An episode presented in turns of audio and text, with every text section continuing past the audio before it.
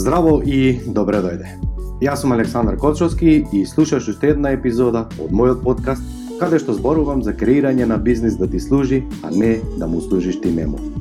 Секој успех има своја цена. Една од цената која што треба да ја платиме за да изградиме успешен бизнис и живот е лична едукација, а тоа е што представува моја страст. Здраво и добре дојде на денешната 20-та поред подкаст епизода.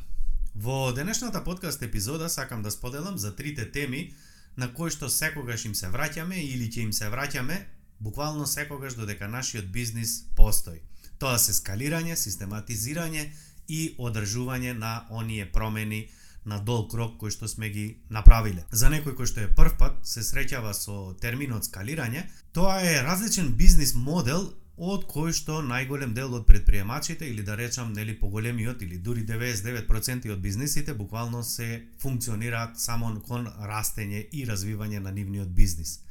И сега ќе кажам разликата да видиме што значи скалирање, што значи а, растење, мала тенка линија, но во резултатите има огромна, огромна разлика. Како најчесто луѓето го развиваат нивниот бизнис? Па да речеме водени од желбата за да добијат поголеми приливи, приходи, да дојдат до поголем број клиенти, да дојдат до поинакви клиенти кои што плаќаат по поголем износ нели за истата таа производ или услуга. Најчесто нели внесуваат нови производи или услуга, тоа значи дека подоцна и вработуваат повеќе луѓе, ги покачуваат цените, но и инвестираат во алати, машини, опрема и што се случува? Веднаш на сила настанува Паркисоновиот закон или правило, кое гласи колку растат приливите, толку растат и трошоците. И ова е Паркинсоново проклетство кое што работничката класа секогаш го има, односно најголем дел од луѓето кои што не буџетираат и не размислуваат за ова правило, а тоа значи дека ако во минатото заработувале да речеме 500 евра плата, сега имаат 600 или 700, Тоа значи дека сега нема да ги задржат истите навики, истите потреби, туку веднаш ќе се покачи нивниот квалитет на живот, ќе си дозволат некои искуства што во минатото може би немале или ќе ги променат нели приоритетите и повторно кога ќе дојдеме при крајот на месецот, повторно не им останува ништо и не чувствуваат разлика помеѓу 500 евра плата во минатото и 600 или 700 евра сегашна. Но истото се случува и во бизнисот кога ние имаме одреден број на приливи или месечен приход и кога ќе го растеме нашиот бизнис, ме инвестирале, рековме во луѓе, во нови производи, во нови услуги, сме отишле во ширина или во длабина, тоа значи дека сме инвестирале и во алати, машини, опрема, во маркетинг и во се останато и подоцна кога ќе видиме Истото правило ова дошло на сила, што значи сега само гледаме во поголеми бројки. Наместо во 10 луѓе, сега гледаме во 20 вработени, наместо во 100 клиенти сега гледаме во 20, 200 клиенти, но и нашата заработка повторно останала идентична. Е, токму ова е разликата во скалирање и развивање. Скалирање представува бизнис модел каде што нема да растат понатаму трошоците, туку само ќе растат приливите. И ова е блиску до она перпетум мобиле што го нарекуваме, Знаеме дека не постои ништо идеално, но се трудиме да го формираме нашиот бизнис да оди во таа насока. Па еве ти еден пример на скалабилен бизнис. Тоа значи дека а, со ист трошок за да дојдеме до еден клиент, се трудиме со истиот тој клиент да му продадеме дополнителен производ или услуга, да го задржиме на што погодол крок, што значи да немаме дополнителни трошоци за да генерираме нови клиенти. И оваа грешка најчесто луѓето ја прават кога мислат дека повеќе клиенти ќе ги направат среќни, напротив, за да го ескалираме нашиот бизнис, тоа значи дека треба да ги подигнеме стандардите, да ја подобриме услугата и да ги задржиме на што подолг рок постоечките клиенти кои што ги имаме како би оствариле нели дополнителна продажба.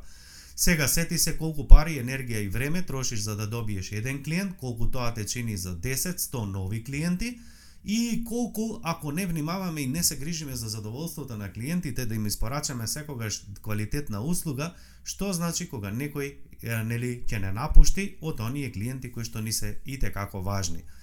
Скалабилниот модел на бизнис представува модел каде што имаме дополнителни рековме плаќања. Тоа може да значи преку членства, тоа може да значи преку повторна и повторна продажба. Тоа може да значи понуда која што ќе ја поделиме на повеќе делови, каде што на почетокот нели продаваме еден дел од услугата, а понатаму ги едуцираме нашите клиенти и преку давање на специфична услуга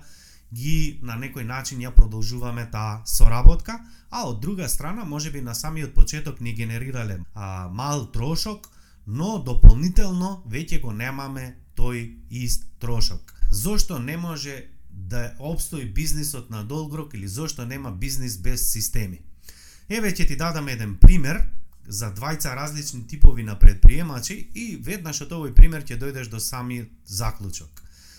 Да предпоставиме дека едниот собственик заработува 1 милион евра на годишно ниво, но сите одлуки ги носи сам, а останатите луѓе му се подчинети. Тоа значи дека ги извршуваат сите задачи кои што тој ќе им ги каже.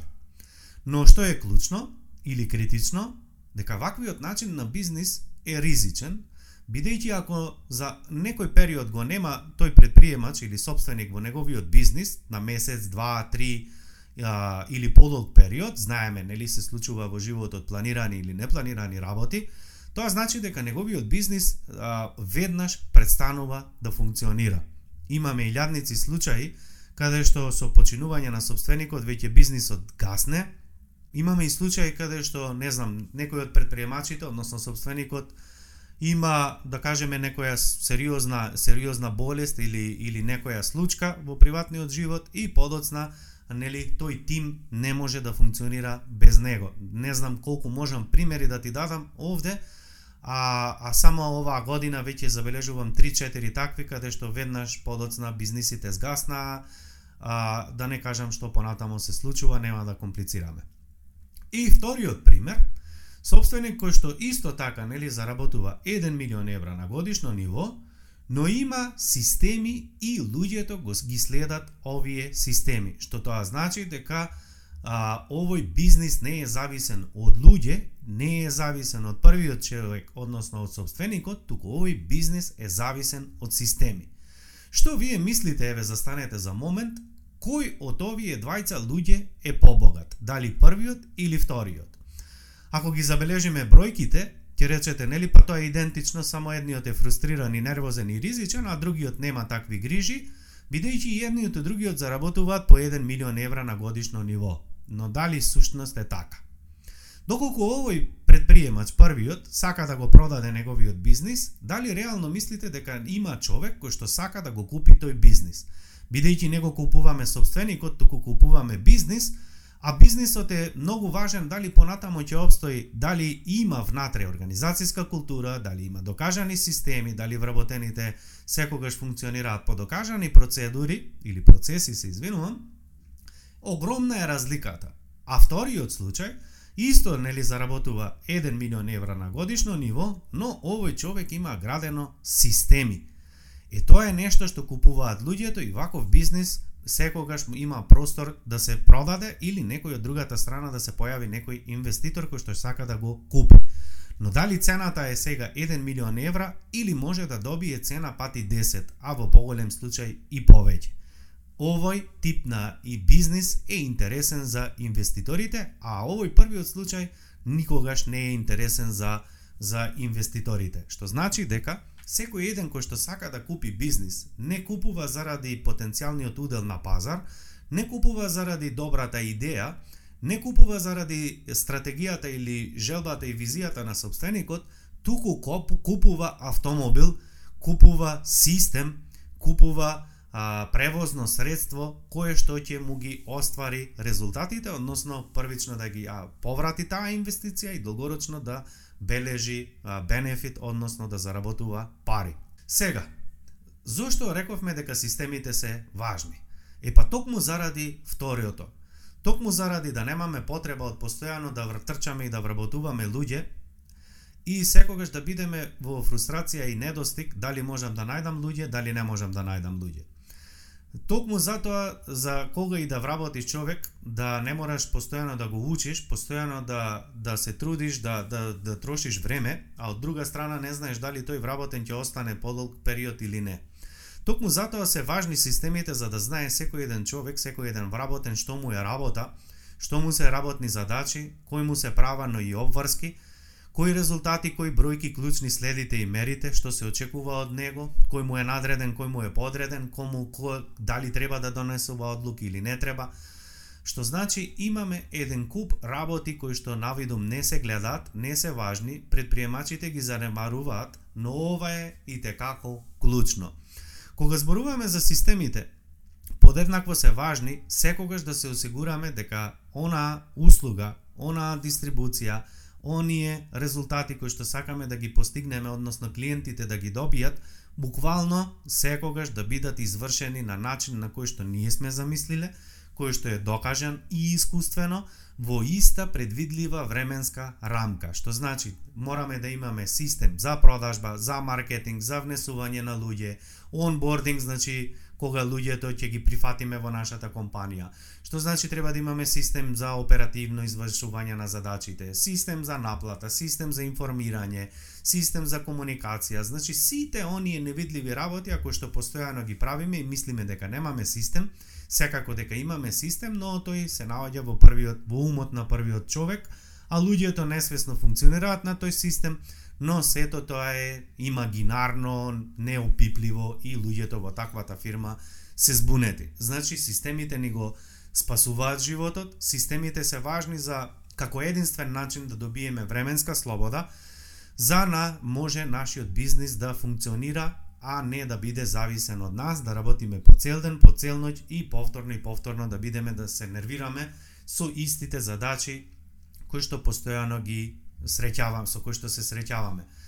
Следна работа е нели да ги одар, да го одржиме овој наш бизнис и сите промени на долг рок. Сите вие сте сведоци колку пати ќе донесеме некоја одлука, без разлика за што и таа одлука да се базира, дали тоа може би значи нели да да да штедиме, да буџетираме, да држиме некоја диета. Знаеме сите дека на почетокот сме мотивирани, ќе направиме на краток рок неколку дена активности, а подоцна дури и забораваме за одлуките кои што сме ги донеле. Ова јасно ни покажува дека и за да го одржиме нашиот бизнис мора да имаме стратегија и да бидеме дисциплинирани на долг рок. Но што е абсурдот? Абсурдот е дека многу мал број на предприемачи ова го прават на лично ниво, односно во приватниот живот, многу малку се дисциплинирани и многу малку имаат навика за да нели креираат а, нова навика да им биде јасно искуствено како креираат нова навика, да поминат низ сите нивоа што значи промена на долг рок на една навика, со кои емоции се среќаваат, со кои стравови, кои препреки морат да ги надминат, како искуствено би им било јасно истото тоа да го подоцна пренесат на вработените и ги едуцираат дека секоја промена е нормално на почетокот да бидеме збунети, дека е нормално да имаат луѓето отпор во на промени, како и што сите ние имаме отпор на промени, дека секако дека во одредена фаза ќе дојдеме во фаза на збунетост, одбивање, неприфаќање, дека во секоја една промена ќе имаме фаза каде што на почетокот сме мотивирани, а подоцна дека ќе се изгуби тој елан и дека нормално оние внатрешни сили секогаш тезнеат да не вратат во познатото, и дека ова е сето нормално, само треба да бидат истрајни се додека вработените и тимот не почнат да нели ги а, на некој начин ги имплементираат и се соживеат и а, се стекнат со нови навики. Ова е фаза каде што најголем дел од луѓето буквално едноставно или не даваат доволно внимание, или не се толку трпеливи со луѓето со кои што работаат. Знаат да ги прогласат дека се неодговорни, дека се недисциплинирани, дека едноставно а, се такви, нели не прифаќаат нови работи, но всушност сето ова кога некој ќе ми го каже, буквално исто како да ми кажува дека он е неодговорен, недисциплиниран, неистраен, затоа што, драги мои, сето ова за кое што го зборував, најпрво на почетокот го имплементираме самите кај нас, а подоцна истото го бараме од луѓето. А не можеме, например, нели, ние да само бараме од луѓето да се променат, да бидат дисциплинирани, да ги следат системите, а ние да се тргнеме настрана. Впрочем, што представува лидерство, ако не првите промени да започнат од нас. Значи, Зошто е важно да знаеме дека луѓето ниту се добри, ниту се лоши, дека не постои ниту добар вработен, ниту лош вработен, туку постои предприемач кој што има јасна идеја како да го скалира неговиот бизнис, кој што има јасна визија, цели, планови, стратегија, приоритети, како да дојде да ги оствари тие цели, буквално има план пред него што се треба да направи, он и тимот, предходно ги едуцира за неговата идеја, за неговата визија, прави подготовка, ги вклучува сите луѓе да не бидат изненадени а не, и да се чудат дека ова го прави некој за нивно лошо, за инает или дека правиме панични, манични, а, да кажам, одлуки, туку напротив дека ова се чекори каде кои што ќе не донесат кон остварување на новите цели и како сите чинители, сите луѓе ќе имаат бенефит од долгорочната нели промена која што ќе ја уследува. Токму затоа овие предприемачи им е јасно дека ништо не бидува преку ноќ, се трпеливи и јасно им е дека треба да ги вклучат луѓето во оистиве овие промени, па затоа често разговараат, дискутираат на овие теми, Токму затоа се едуцираат, ги следат луѓето, токму затоа градат системи за сите овие промени кои што подоцна ќе ги имплементираат, нели? Да обстојат на долг рок и да луѓето им биде јасно што треба да прават на дневна база, како сигурно и предвидливо би стигнале кон целта што за жал во најголем дел од бизнисите сето ова за што го зборував едноставно го нема. Значи, едно е да го скалираме нашиот бизнис, Сосема друго е да систем, да имаме јасни системи кои што нели ќе одржа а, на на долг рок сето тоа да функционира без нас и од друга страна сите овие промени кои што сме ги вовеле да се одржат долгорочно. Се надевам дека ова ти беше многу важно да направиме разлика помеѓу овие три работи и знам дека секогаш и буквално секогаш а, луѓето размислуваат нели за сите овие три работи, може би не размислуваат на овој начин, но од лично искуство знам дека за сето ова размислував секогаш кога сум во период на криза, кога или нема клиенти, или нема пари, или нема работа. И истото го забележувам дека најчесто неуспешните предприемачи, кога ќе кажам неуспешни, не мислам дека тоа тие не можат, туку едноставно не се задоволни од резултатите кои што во моментот ги имаат,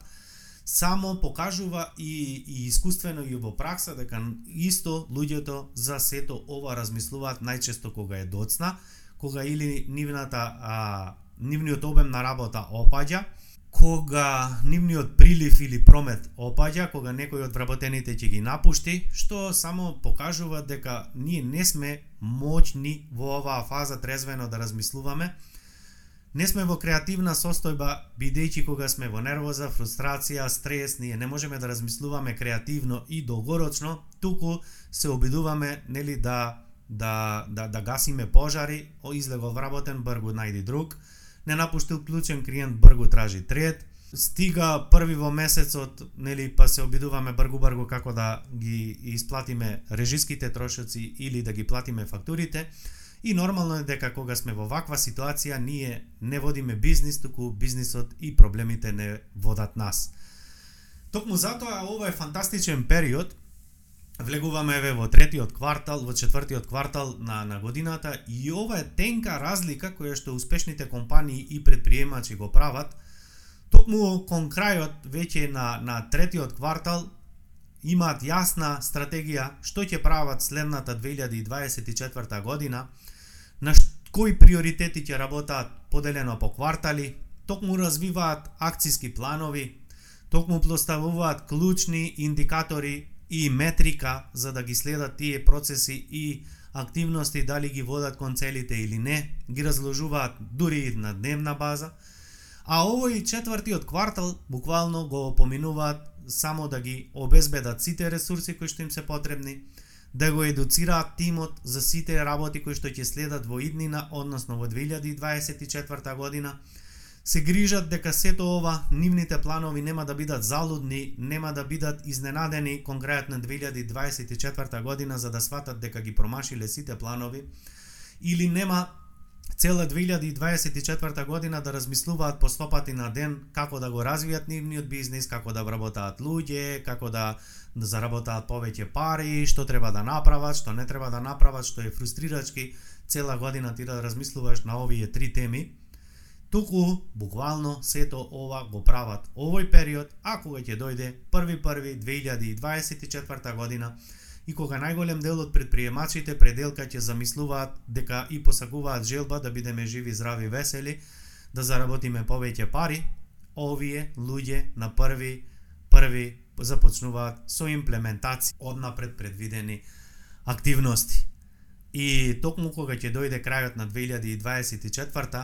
е разликата што едните ги постигнале плановите и размислуваат следната година охрабрени да ги ја зголемат процентуално или да додадат уште една нула, а овие другите сватиле дека поминала уште една година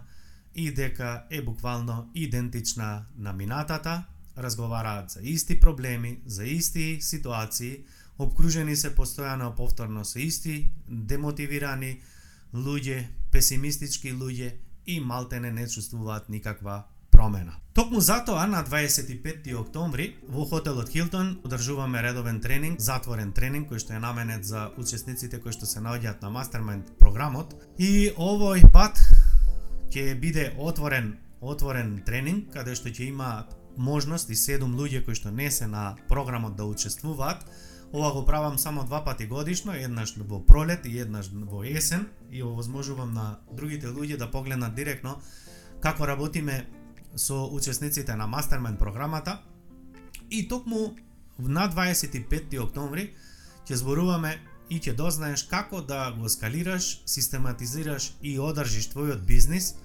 и сето ова што зборувавме ќе зборуваме во детали и конкретно преку јасни примери за твојот бизнис. Ќе имаш прилика и да слушнеш како учесниците на Мастермен програмот кои што веќе го имаат сето ова искуствено имплементирано во нивниот бизнис ќе зборуваат за работите со кои проблеми се среќавале, со кои предизвици морале да ги надминат и да ги решат. Ќе зборуваат за нивните потешкоти, ќе зборуваат како полесно и ти сето ова да го имплементираш искуствено, не значи од книга и не значи имагинарно, туку искуствено и кон крајот на тој тренинг ќе имаш буквално една јасна мапа каде да го носиш твојот бизнис и ќе ти биде многу полесно 2024 година буквално со листи пенкало и чек листа да ги решаваш приоритетите и да конечно водиш бизнис, а не бизнисот да те води тебе. Затоа по тоа подкаст епизода ќе оставам линк каде што ќе најбрзите 7 луѓе ќе можат да се пријават, а од друга страна сакам да напоменам да немаме како друг пат а, објаснувања и мене да ми биде непријатно да ги враќам луѓето, значи ако а, имаш време и сето ова ти звучи интересно и корисно за твојот бизнис, пријави се на време како би бил дел од овој тренинг. Ти благодарам што одвои време да ме слушаш на овој подкаст. Доколку сакаш да соработуваш со мене, Најдоброто место е да се информираш за актуелните понуди е www.aleksandarkochovski.com и секако немој да заборавиш да се претплатиш на мојот ньюслетер, каде што исто споделувам бесплатни информации и навремено ќе дознаеш за сите бесплатни онлайн тренинзи.